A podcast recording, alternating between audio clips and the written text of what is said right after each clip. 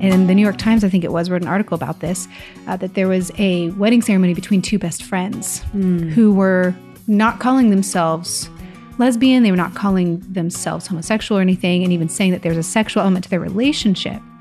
But that they were deciding we're going to covenant together in a marriage ceremony and build a family together based on our friendship. And that creates so much confusion, uh, Yeah. especially for those of us who walk with Christ to go, is that okay?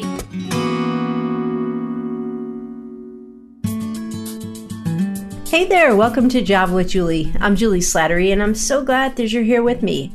This podcast is a listener supported outreach of Authentic Intimacy, an organization dedicated to reclaiming God's design for sexuality. Now, one of the things we talk about a lot here on Java with Julie is how our sexuality, the way we were created for intimacy, doesn't just turn on when we're married. We always, whether single or married, every stage of life have a need for intimacy. First and foremost with our Creator God, but also in relationships. But our experiences of intimacy can be confusing and even become distorted. Many people today don't know how to experience intimacy and friendship without crossing into romanticizing or sexualizing that relationship. And you may have heard this come up in my recent conversation with Christopher Yuan. He mentioned this kind of overlooked category of desire that isn't purely platonic, but not entirely sexual either. It's a category in between. Well, here to help me unpack all of this is Kelly Needham. You heard her voice at the top of the show. Kelly is the author of a great book called Friendish and has really solid resources about friendship and discipleship in general at her website. We'll link to all of that in our show notes and at AuthenticIntimacy.com. We'll also link to a recent blog that I wrote called Are You a Good Friend? Seven Keys to Building Healthy Friendships. For now, let's head to the coffee shop for my conversation with Kelly Needham.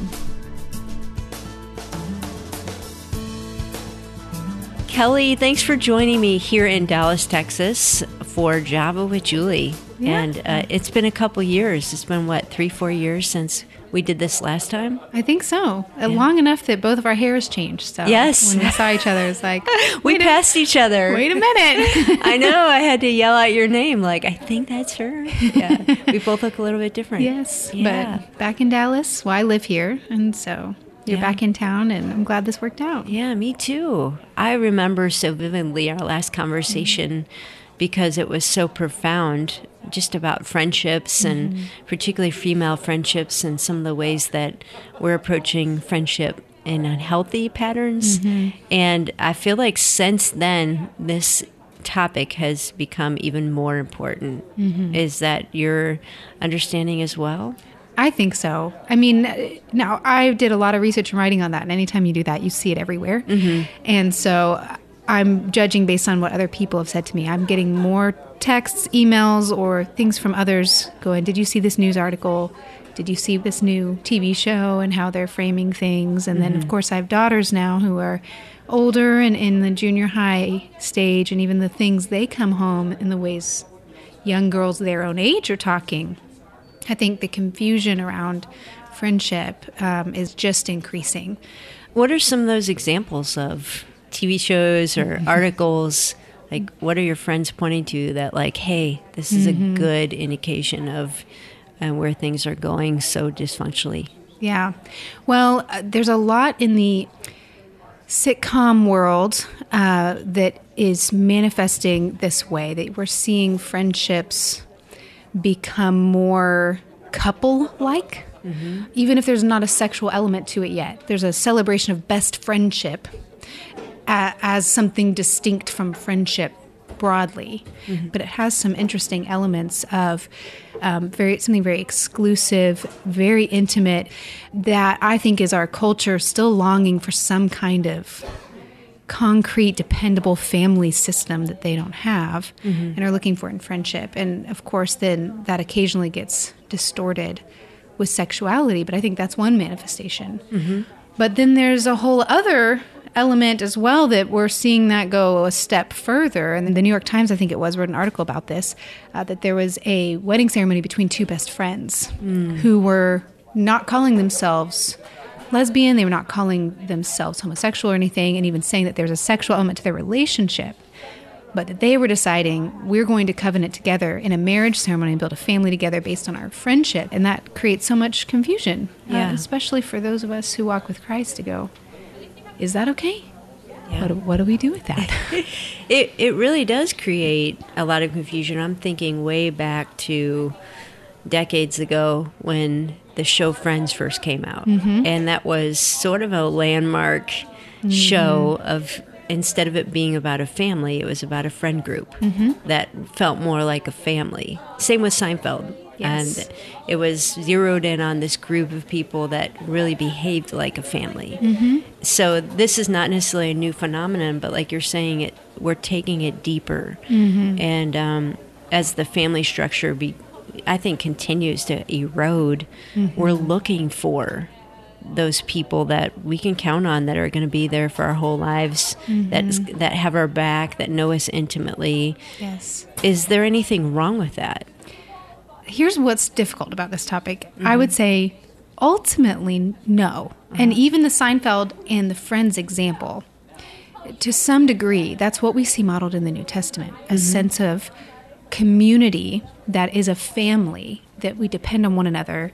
Uh, that you see singles in the church and widows in the church in the New Testament, Paul or others that don't have that family unit, but the church is that for them. Mm-hmm. Friendship is important and should feel communal. So there is, is health in that. But I think that extra step toward I'm going to find one other person who will be my person. Uh, we don't ever see that advocated for in the scriptures. And so there is, uh, when there is a covenantal marriage like replication in friendship, I think there we start to see unhealth there. But this is an area that requires nuance for us to think about because I do think deep and meaningful friendships matter. I think that there's something we all need to thrive, and not everybody this side of heaven will have a spouse and will have that biological family unit they can depend on. But I would say I think the church is meant to fill that role. Yeah. Capital C, like that is what the corporate body is for. And the temptation is to take that communal family element outside of the walls of the church and try to build it within our own systems of friendships that we can control that are to our preference and exactly how we like. And there's something about the one on one couple thing that we feel real safe with. I just mm. have one other person who I can fully know and they can know me. There's something we still believe about that, that that will be enough. And I think people tend to look to that in friendship. And I think that's where you see the most unhealthy perversions of friendship is in that exclusive mm-hmm. unit that I don't think friendship is ever meant to be exclusive in that way. One of the phrases that I'm hearing a lot in culture today is when people just say, even like half jokingly, like, I'm really crushing on you, or I have a girl mm-hmm. crush. Yes. What is that all about, and why does it seem like it's okay to say that even within a Christian context? Yeah. I don't know why it's okay besides that just our culture's doing it and we just don't have again any context for that would be inappropriate but there is an intentional sexualization of friendships happening in the language in particular just like you said sexual uh, illusions and engagement in sexuality outside of marriage has always been a temptation for humanity in, in any way. And I think it's just starting to show up in friendship. And it's just good to remember a friendship is not a marriage, and marriage is the right application for sexuality. And sexuality is beautiful there, and it is sanctioned there and nowhere else. And so when those small expressions of sexuality, flirtatiousness, language that would be like, I'm crushing on you, um, you're my, you know, maybe calling your best friend, oh, we're a frepple. I don't know if you've heard that, a friend couple. You know, you're going to use words that essentially are connected to the sexual context about friendship. As believers, we should go, that's not appropriate. Those things are meant to manifest in marriage or relationships moving toward marriage and not anywhere else. And we honor those distinctions because sexuality points to union with Christ. It points to really beautiful things in the scriptures. And so keeping that signpost accurate really matters for the Christian. And I think that should give us pause with how we talk about our friends, what we say about them, to not model it based on the world, but to go, this friendship should look distinct, like every other relationship in my life, because I'm a believer. If you are in Christ, then that changes everything. Changes how you do marriage. It changes how you date people. It changes how you eat. It changes what you wear. And it changes how you do friendship. Yeah, let me ask you about a few friendships in the Bible because I think we may have talked about this years ago when we had our 1st mm-hmm. conversation, but I think it's important. Yes. What about when people point to relationships like David and Jonathan? Mm-hmm. It, it, appears that they had a very exclusive friendship. Mm-hmm. They had a covenant of sorts. Yes. Uh, they made a promise to one another. And there's nothing in the Bible that would say that that was wrong, what they mm-hmm. did. How is that not a model of, of a deep friendship between yeah. two men or two women? Yeah, that's a great question and really important to address. I, I would give two big reasons for why one that that is a healthy i think that's a healthy model in the bible mm-hmm. for friendship mm-hmm. i actually would say it's a really good model um, which is why the bible does nothing but commend that relationship and how it treats it but i do not think it's advocating for covenanting together or this exclusive relationship of friendship and so i want to give two reasons for why i think that's true um, and both of them come from their context, mm-hmm. the context of their situation. That Jonathan is heir to the throne. Saul is, is king, and Jonathan is his son. And Jonathan is the in line as heir to the throne. But here, David has already been anointed king, which makes them enemies immediately by their circumstances. Yeah, David is is a threat to the line of Saul, which is Jonathan directly. And Jonathan's own dad is out to kill David. So there's one element that I don't think that they could have had a friendship without a sense of covenantal.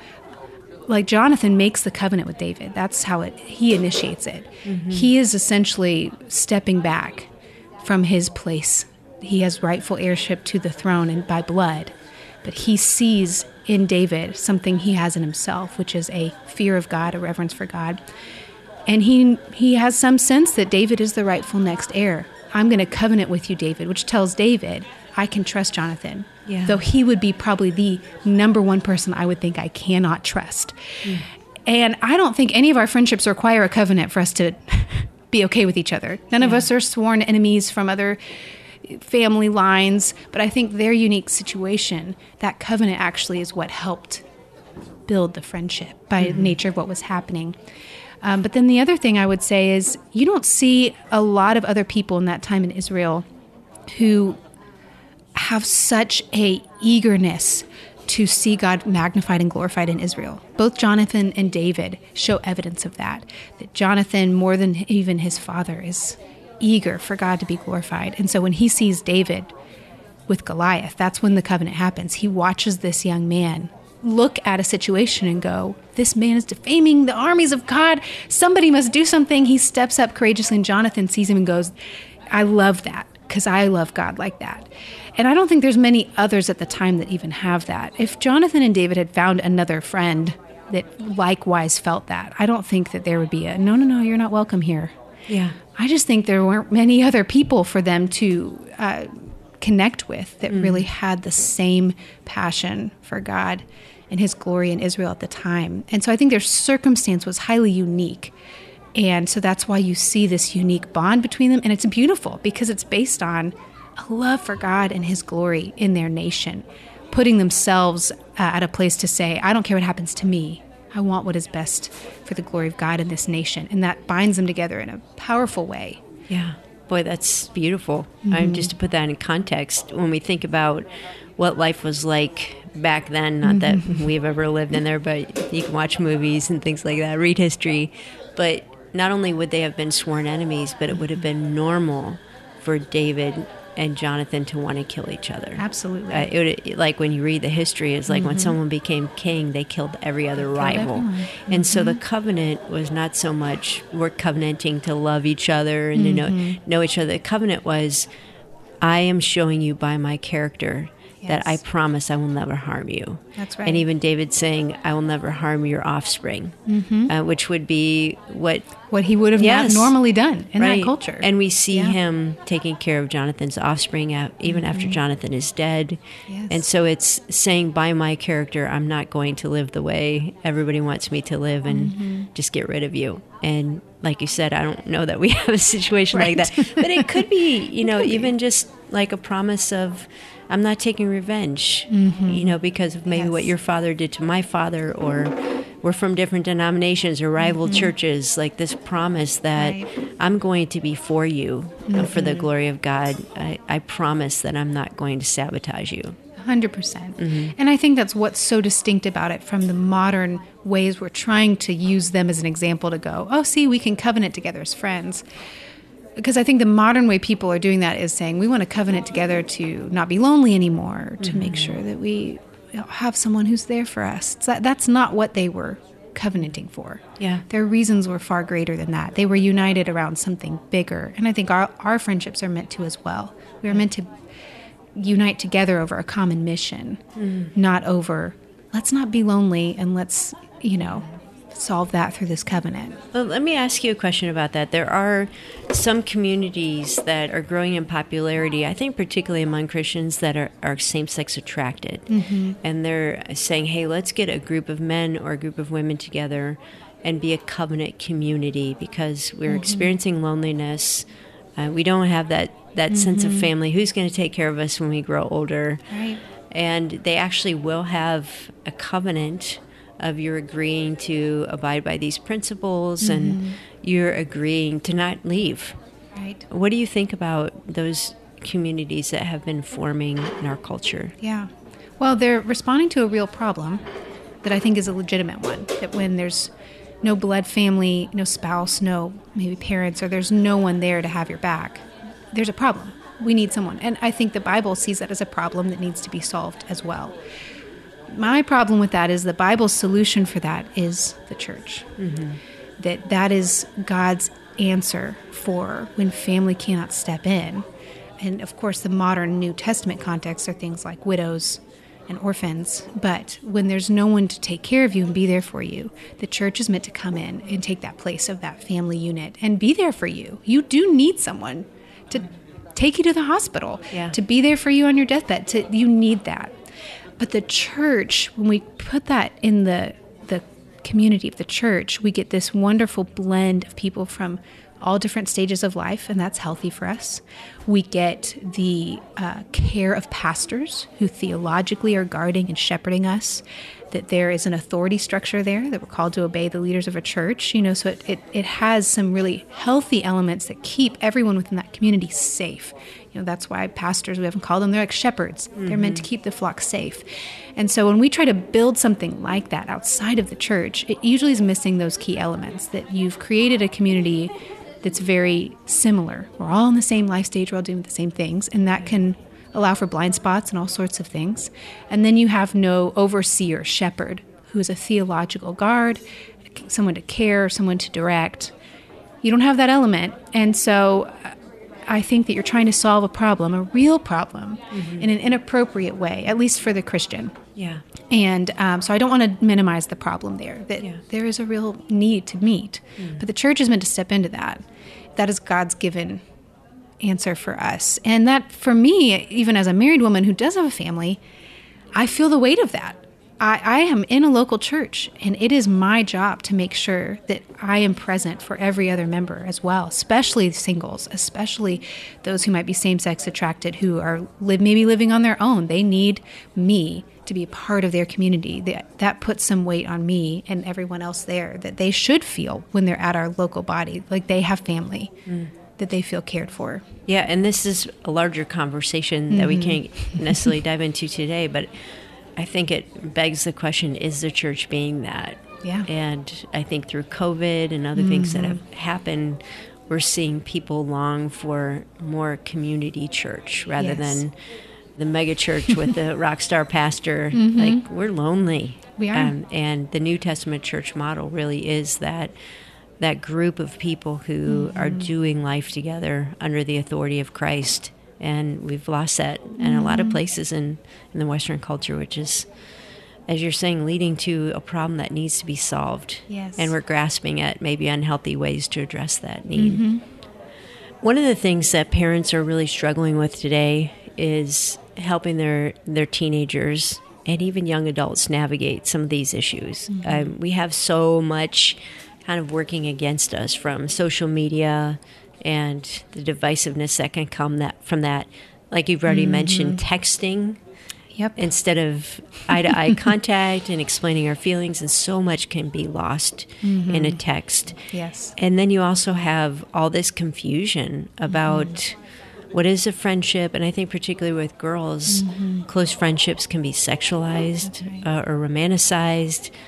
What wisdom do you have for parents, and you're in the middle of this yourself, uh, as far as teaching our kids to do friendships well, but also recognizing where there might be a potential problem? Yeah. Well, let's talk about the problem first because uh, I've seen that happen with my daughters. There's a couple of friends that they've had that have really amped up the physical affection at a level that as I hear about it or see it, I, I'm pulling my kids aside and saying, you know, they're like a, a friend who will want to hold my kid's hand everywhere they go and, and intertwined fingers and touching all the time. And we need physical touch. We do. It's a human need. Uh, we should be hugging our kids. We should be hugging our friends. Um, but if there's a need to stay physically connected all the time, that's something I've told my daughters. That's not normal in a friendship.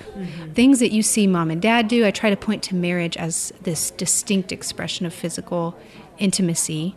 The types of intimacy physically you're seeing with, with us should not be showing up in a friendship. Hug your friend, but if your friend is holding your hand all day long, all the time, I will tell my kids, let's not do that. That's uh, uh, a way that that friendship is trying to mimic marriage. That's kind of some language I've used. It's trying to act like a marriage, and that doesn't honor God. And marriage is a, a special thing we need to allow to stay what it is. Or if uh, a girl will respond to one of my kids and say, "Oh, are you? You know, you said you really like hanging out with Sophie or Quinn or whoever, are you bisexual? You like them? You know, they'll kind of introduce even that language of because they even said, I really like this friend. I enjoy their company. Oh, well, that's, they'll immediately sexualize it. And so, um, one of the f- other phrases we've told our kids is the world will always try to make innocent things perverted or it will try and make innocent things evil. And it will take this innocent thing of i enjoy the company of my friend and turn it into something it's not. And so we're trying for them to go that's a beautiful innocent thing that you want to spend time with your friend. Just because someone else said that we're going to cast that off and say no that's not true. This is you want to hang out with your friend. And you mm. need friends and that's a good thing. Isn't it great when someone else says i really like you and i want to hang out with you? Mm-hmm. So some of those things we're trying to help them just have an eye out for be aware of. Are you proactive in that, or have you? Do you pick up on conversations? And I, I guess one of the issues is Yeah. a lot of parents don't know this is happening. Right. That's true. That is a huge, that's why I talk to your kids, ask them what's going on. Yeah. we do both. We're pretty proactive because I know that it's happening, and maybe it's because of the research I did. I'm actually really specific in the questions that I ask as well. Is anyone using terms you don't understand at school? I'd love to know about it. Um, is anyone uh, touching you all the time? I mean, I'll ask those specific things to try and get there because I just know that it's, I know what those other kids are probably seeing and what they might be modeling. And so I even have some more direct questions where I don't necessarily want to introduce something too early, but I just want to draw out of them what's happening. But then we are proactive in going, especially in these years of once they're getting into fifth, sixth grade. Um, the level of things that children are exposed to is much greater than we realize. Yeah. Um, and so there is a heightened proactivity of, hey, kids are going to do this, say this. You know, let's look for that in our friendships that you're building at school. And let's talk about it when you get home and talk about how to navigate that. And, and then we can have conversations about it. So there's, I think you have to be both proactive and then be intentional to talk to your kids so you can react to what is happening. Yeah. Can I ask you, are your kids in public school? They are. hmm So they're seeing all kinds of Yes. uh, everything normalized. Oh yes, Yeah. and I think that it's showing up in in other Christian settings as well, not as Yeah. quickly and not as fast, but it is it's coming there too, um, because all those kids are depending on their level of exposure to media and, and certain TV shows. I mean, we know we're with what Disney's introducing and some of our kids shows. It, Yeah. it's hard to avoid. No, it's fully. everywhere. I guess the only difference would be in some Christian settings, at least the the teachers, right? The would- administration yeah, is they, a little they more would tuned alert in. you, yeah. Whereas in a public school, that's Yeah. it's celebrated. It is. There's there's definitely more of that happening, and as parents, we've actually been. Uh, my husband's a pastor, so my kids get a heavy dose of of discipleship and Bible, and so some of that exposure, uh, we are thankful for an opportunity to disciple them through that and Right. prepare them for what they'll face the rest of This their is- life. This is real world. This is what's going to happen. Yeah, let me ask you about the 20 to 25 year old woman mm-hmm. who you're describing where she was five years ago. Mm. And she had relationships that were dysfunctional, that were codependent, that may have even been sexualized. Mm-hmm. And she's trying to make sense of how to recover from that, how to deal with shame, like what is true friendship, and maybe even a fear of intimacy and friendship because of what they've experienced. Yes. And it's very normal to feel afraid of friendship if that's part of your history. And I would just say to anyone who's in that situation, it's actually way more common than you would ever realize. I cannot tell you how many people, when I started writing about this on my blog in 2014, I got hundreds of emails from women who told me I've never told anyone else. Mm-hmm. But this is part of my story that I had a friendship with somebody that became sexualized. And I was very confused because I never thought of myself as a lesbian. I never had same sex attraction. And now I'm confused and I don't know what's wrong. I don't know what to do. And I'm terrified to build any new friendship. That's more common than I think we realize because it's shameful and we, we keep it hidden. Right. And, and so I hope you won't. I hope you'll talk to somebody. But my comfort and my counsel is is usually this: you are a female and you are a sinner, mm. and those things are true of you and true of me. And when sin manifests in the worshiping of God's creatures and God's creation, which would be if we worship a friend, we put all the weight of our hopes, dreams, and expectations on this other person who we would say is our best friend. Romans 1 tells us that that type of worship, worship of the creation, not the creator, will distort our sexual desires. That it will. And none of us is beyond that pattern. I do not think that there is one of one among us who we could say, "Oh, I could never be tempted by that. I could never be tempted by any kind of same-sex sexual activity." I don't think that's true. Uh, Paul tells us you worship the creation, and it will distort your sexuality. Yeah. And so, if that has happened to somebody, uh, that doesn't mean anything definitive about you besides that you're a woman, God made you a female, and you're a sinner, and your sin manifested this way and has distorted, at a time, distorted your sexual activity.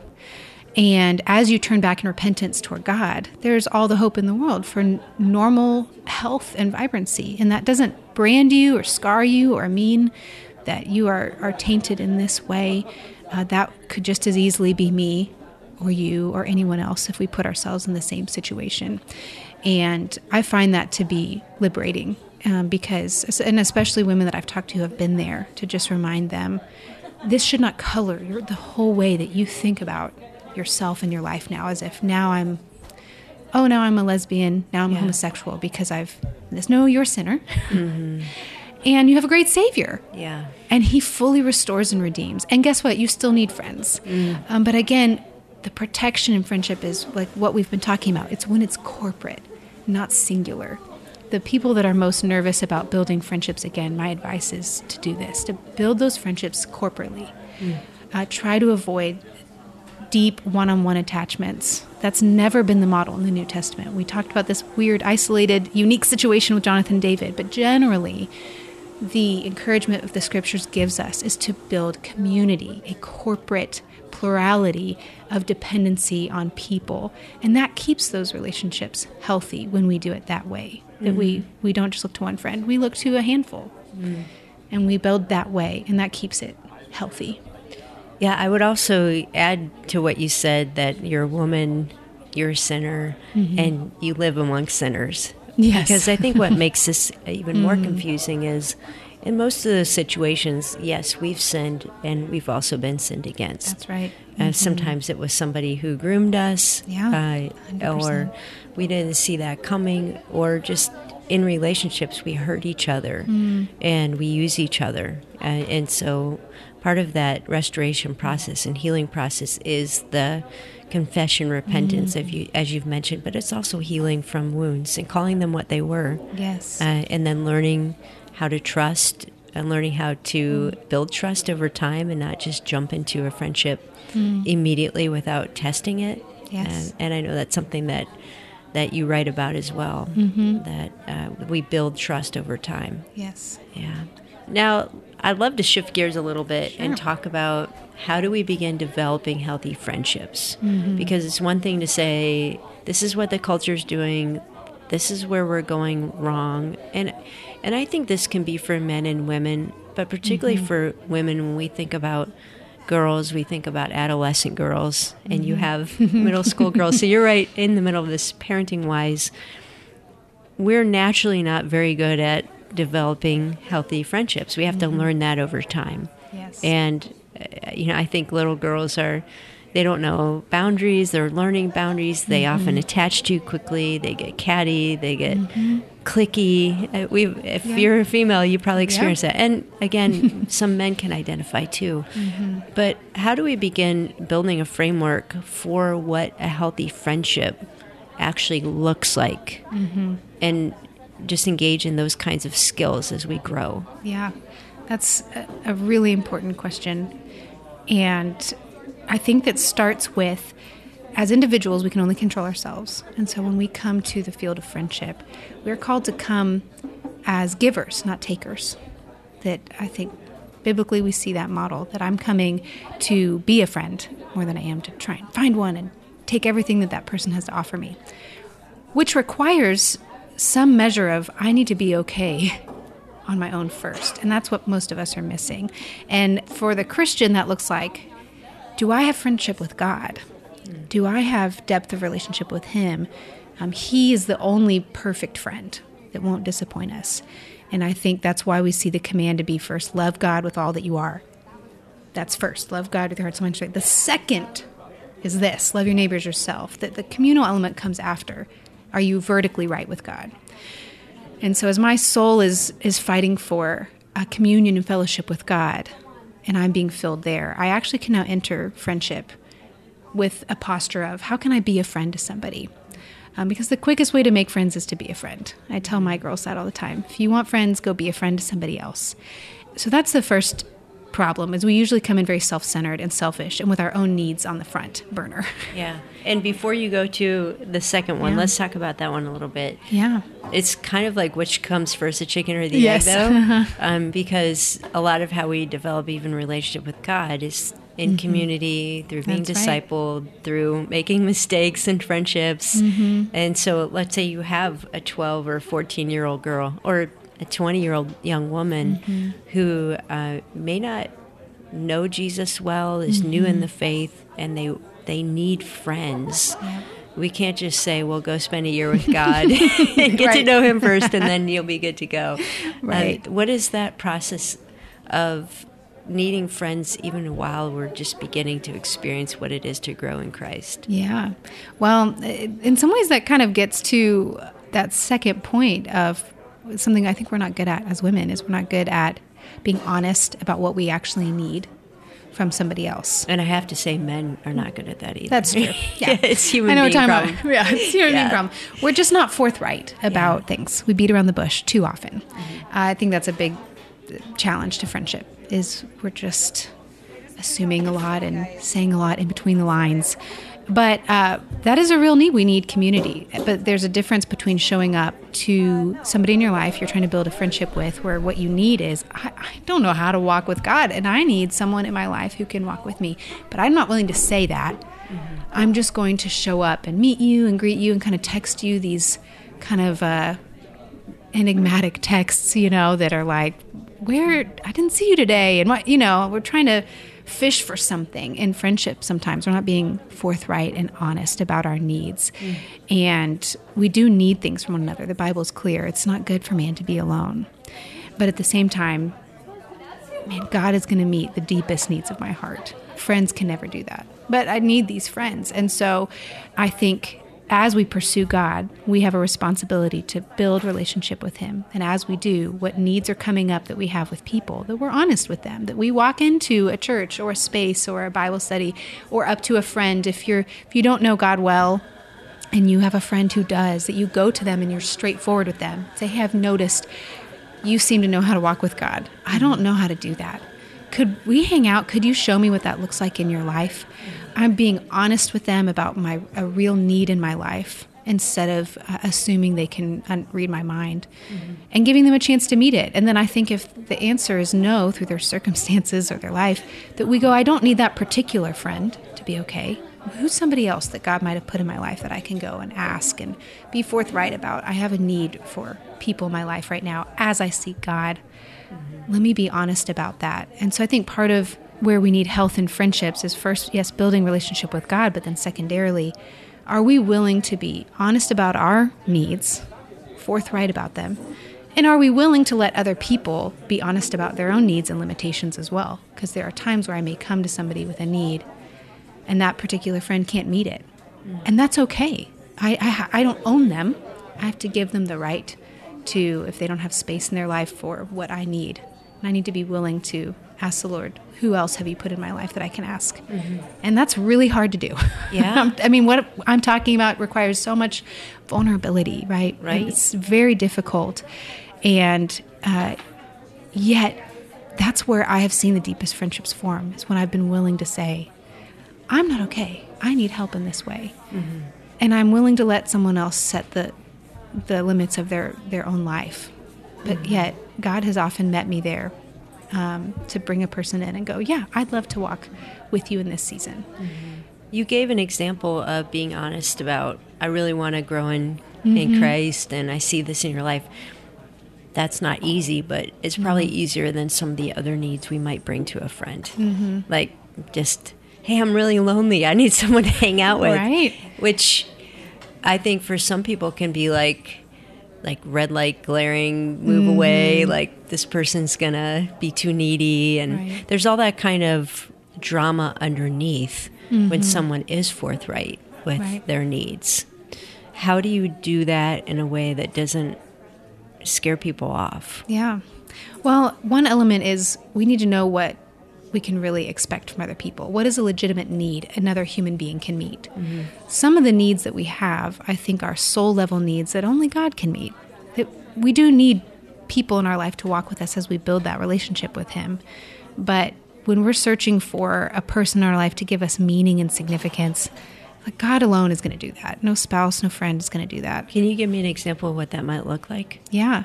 So I think that when you feel like you have no other human being who values you in a way that you wake up in the morning and you feel loved and seen and known because, oh, I have this best friend or I have this husband or I have this person, uh, that creates a longing in your heart to go, do I matter? Who do I matter to? And we may latch on to somebody in a small group at church or a friend at school. Go, or a dating relationship. A dating relationship. It's the same thing. Oh, if this person, you know, if I can find and build a relationship with them. And so the thing that's driving us maybe, I need to know that I matter and I'm significant. So I'm going to go to this friend and I'm not going to say any of that.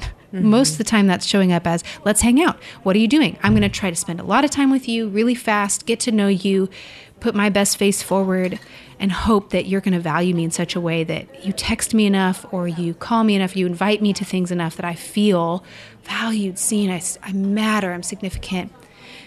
But ultimately, every person and every human relationship will fail you. That need is a deep one that only God can meet, that He sees you and He knows you. And so, if that need is driving you, it will always be a losing game eventually. Mm-hmm. And that's unhealthy. But we do need people if we're going to God with those needs, but we still are legitimately lonely. There's no one in our life that we know. Then I think the thing that keeps us healthy in that pursuit is going to not just uh, one individual person and assuming this is the friend that I want to meet in that need. So I'm going to go to them and them alone. Mm-hmm. I think that the right posture toward friendship is I need friends. I don't need a particular friend. I don't even need a particular set of friends. If God moves all my closest friends away right now, I will grieve because we I have some deep friendships that they've walked through some hard things. So there will be grief, but I will not be undone because I know I need people in my life. Absolutely. I don't need these particular people right now to be okay. I will grieve their absence, just like Jonathan and David grieved as they said goodbye to each other. But I I don't need them to be okay. And if I move, if they move, I'm always thinking, God, who are the people you have for me right now? Mm-hmm. And if I'm okay with whoever God provides, that keeps that pursuit and those needs that we're seeking out in friends healthy. It allows us to honor the boundaries and limits of other people's lives. That's what keeps us from being that unhealthy, needy friend. I think the unhealthy need in us is when we direct it at one specific individual and we have no willingness to let someone else meet the need. We've just said it has to be you, or you, or you, or maybe we have one, two, three people that we're saying they're the only ones who can meet this need. That that is not a right posture toward friendship. Mm-hmm. It's okay to seek them out first. But if they're not available and they can't be there, then my next question to the Lord is, okay, God, who else is around me already? Who's in that small group I'm already in? Show me who I can ask. Give me thick skin. Remind me you see me and that I can ask them, hey, I'm in a hard season right now. I need someone to pray with me pretty regularly because I'm fighting off some serious depression or my child is is struggling in a way that I, I'm really needing some support. Could you call me once a week? It's okay if you don't have time. Just let me know if you don't have time. I, but I do need someone. And if you can't do that, I'm going to have to go find somebody else. We need to be asking people for help, but be okay with whoever God provides. Yeah. And what I hear you saying, the distinction is who's the source. That's right. So if it's, it could be anyone, God is the source mm-hmm. because He's pouring through whoever That's He right. brings in my life today. Mm-hmm. Whereas if I have my belief in a, a particular person, Right. they're the source of my comfort, they're That's the source right. of my community. Mm-hmm. Yeah. You mentioned that the best way to make a friend is to be a friend, and mm-hmm. that's sort of the opposite of what you've been explaining. There is a time where we need to Right. articulate our needs, we need to pursue a certain level of support or companionship.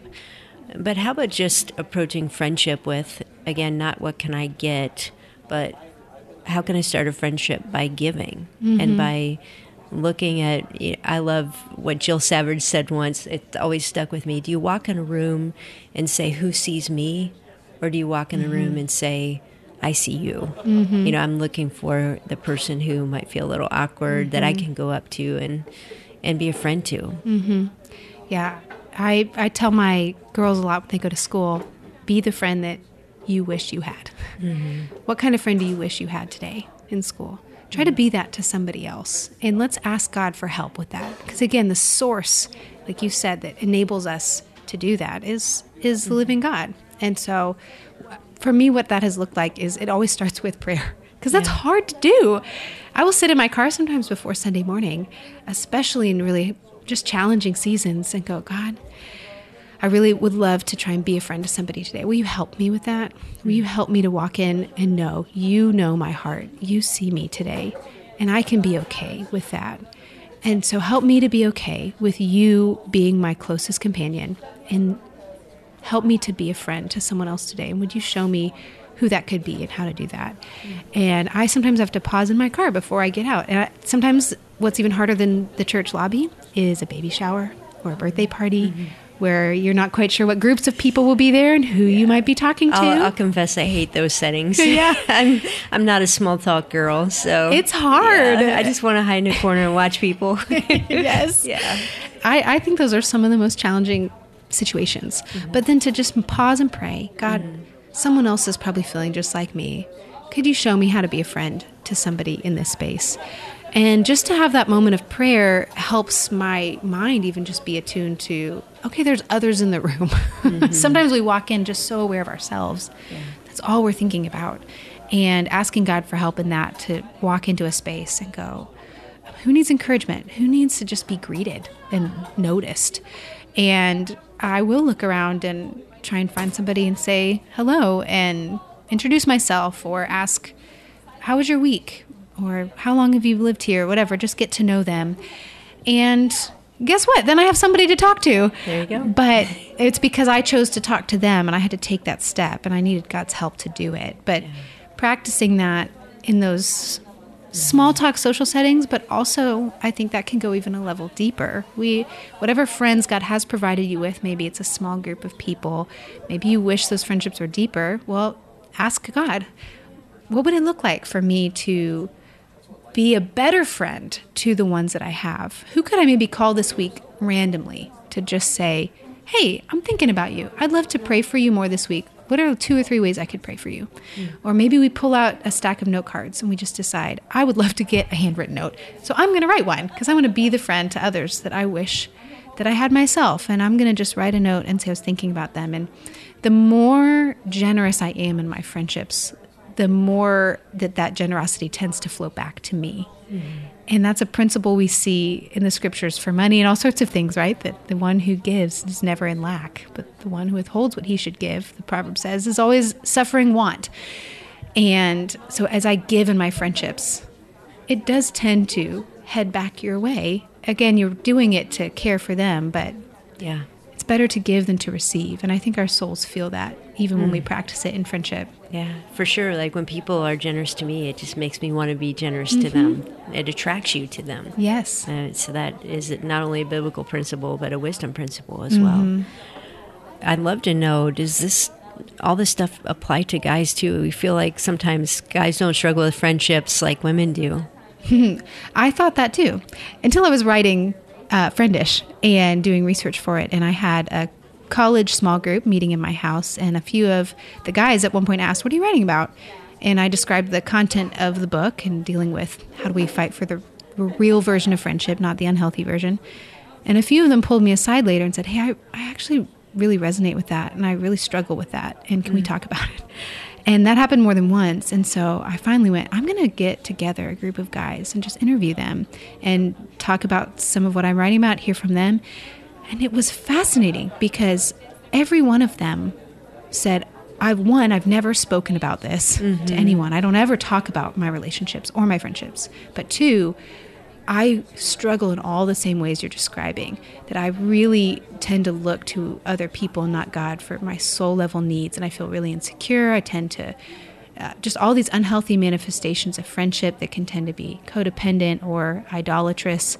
Those are present in the hearts of a lot of the young men in our college group, but the difference was they w- did not feel like they could talk about it. Women, we've we generally feel like we can process about how we feel about our relationships, but there was more shame in that. Uh, for the guys to talk about it. Every one of them said, "I've never had a com-, when I did the big group table round table conversation. They said, "I've never ever talked about this," wow. and it's so freeing to hear that other guys also feel these types of insecurities when their roommate goes to hang out with another guy and not me and I feel a little jealous or envious and insecure and someone else feels that that is not an abnormal struggle for a guy they all felt helped by that mm-hmm. and that was a little bit surprising to me just because I am a woman and I deal with women I just maybe am not aware of the emotional life of men and their friendships and so I interviewed a lot of men for the book and actually included a lot of their stories in the book because I realized well friendship is not a gendered issue, and neither is idolatry, and neither is some of the other things that make friendship unhealthy. And so, why would this be just a women issue? Yeah, so really everything you've written about applies to men as well? I, I would say yes. Mm-hmm. Because at its core, they're human struggles. Mm-hmm. They're ways in which we're recognizing I need other people, that there's a legitimate need, but I tend to look for that in unhealthy ways and ways that don't have God at the center, um, ways that are um, more culturally informed than scripturally informed. All of that, it maybe shows up a little bit differently. And I think women were a little more comfortable talking about it than men. And so I think for a lot of the guys I interviewed, there's a lot more shame involved in even verbalizing that they are struggling with that. Mm-hmm. And so I, I really tried hard to write when I wrote my book Friendish, write it gender neutral and even have the cover designed in such a way that it would feel like a, a neutral book mm-hmm. that anyone could pick up and, and find wisdom from God's Word about pursuing healthy friendships. Did you do any research on cross gender friendship? I did a little bit. That's that, a whole level uh, it's a whole other thing. Yes. But I would say the same principles still apply. Mm-hmm. That am I coming to the friendship to be generous, to give friendship to somebody else, to care about them as another person, or take from them. And a lot of times, even in those cross gendered friendships, we're coming in very much driven by our selfishness. I want attention, or maybe I like this person, and, and there's other things that drive us besides if we're believers, man, this is a brother in Christ. This is a sister in Christ. I want to encourage them today. I want to be generous to them in my friendship and, and all of that. So the, the same principles would apply there. Um, but there's some interesting nuance depending on if those two people are married, mm-hmm. single. All of that should inform how we interact mm-hmm. within that friendship. But it's based on the same principles. Is God my source of ultimate, deep, soul level needs being met? And am I coming to friendship generously or with a self centered motivation here. Yeah, and those same principles about exclusivity and mm-hmm. jealousy. Mm-hmm. Yes. Um, when they play out in a cross gender friendship. Mm-hmm. Again, that's. That's not um, right. No, it's mm-hmm. a warning sign. Yes.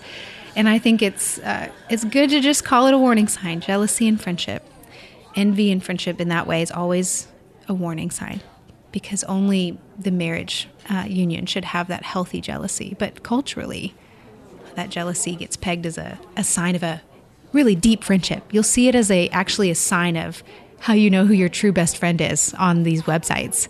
If you feel jealous when they hang out with someone else, that's a sign that you're they're your true best friend. And I would say, no, that's a sign of unhealth in your friendship um, that we need to watch out for.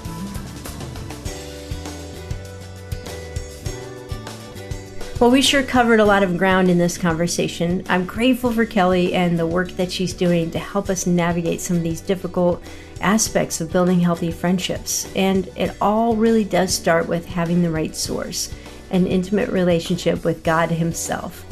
I highly recommend that you grab a copy of Kelly's book Friendish and check out my blog, Are You a Good Friend? Seven Keys to Building Healthy Friendships. You can find links in our show notes and at AuthenticIntimacy.com. Thanks for listening, and I look forward to having coffee with you next time on Java with Juli.